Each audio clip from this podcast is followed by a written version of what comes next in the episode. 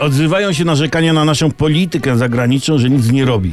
No widzicie, co się dzieje na Bliskim Wschodzie. Znaczy, na naszym Bliskim Wschodzie już spokój. Premier Morawiecki wyjechał z Podkarpacia, ale rozchodzi się mnie o arabski Bliski Wschód, ten dalszy Bliski Wschód.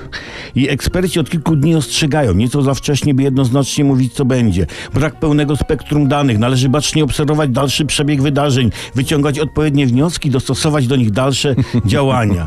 I wiele, wiele jeszcze innych konkretów, które tyle wnoszą do sprawy, co karp do rozmowy. Prawda? A Iran rakietami i moździerzami napiernicza, a tam są nasi żołnierze. Ale bez paniki baloniki zdaje się nie wprost mówić nasza dyplomacja. Ci islamabadyści muzułmańscy postrzelali, ale nikogo nie zabili. Prędzej naszego czy ma amerykańskiego żołnierza trafi najsztub na pasach w Warszawie niż jakiś Irokezyjczyk na Bliskim Wschodzie. I nasza polityka zagraniczna przytomnie uniki robi. Przytomnie. Nie tylko w sprawie Iranu, ale na przykład nie załatwiła przemówienia prezydentowi w Yad Vashem, ale słuchajcie, słuchajcie, jest w tym głęboka mądrość.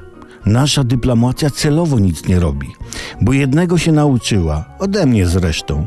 Sprawy niezałatwione załatwiają się same. Zawsze ktoś się znajdzie, kto to załatwi, w Ameryce czy gdzieś. Niby wtedy nie masz wpływu na to, co się dzieje, ale za to jest święty spokój. Słuchajcie, pseudoelity zazdroszczą Polakom świętego spokoju. Stąd to całe narzekanie na naszą politykę zagraniczną. Niesłusznie.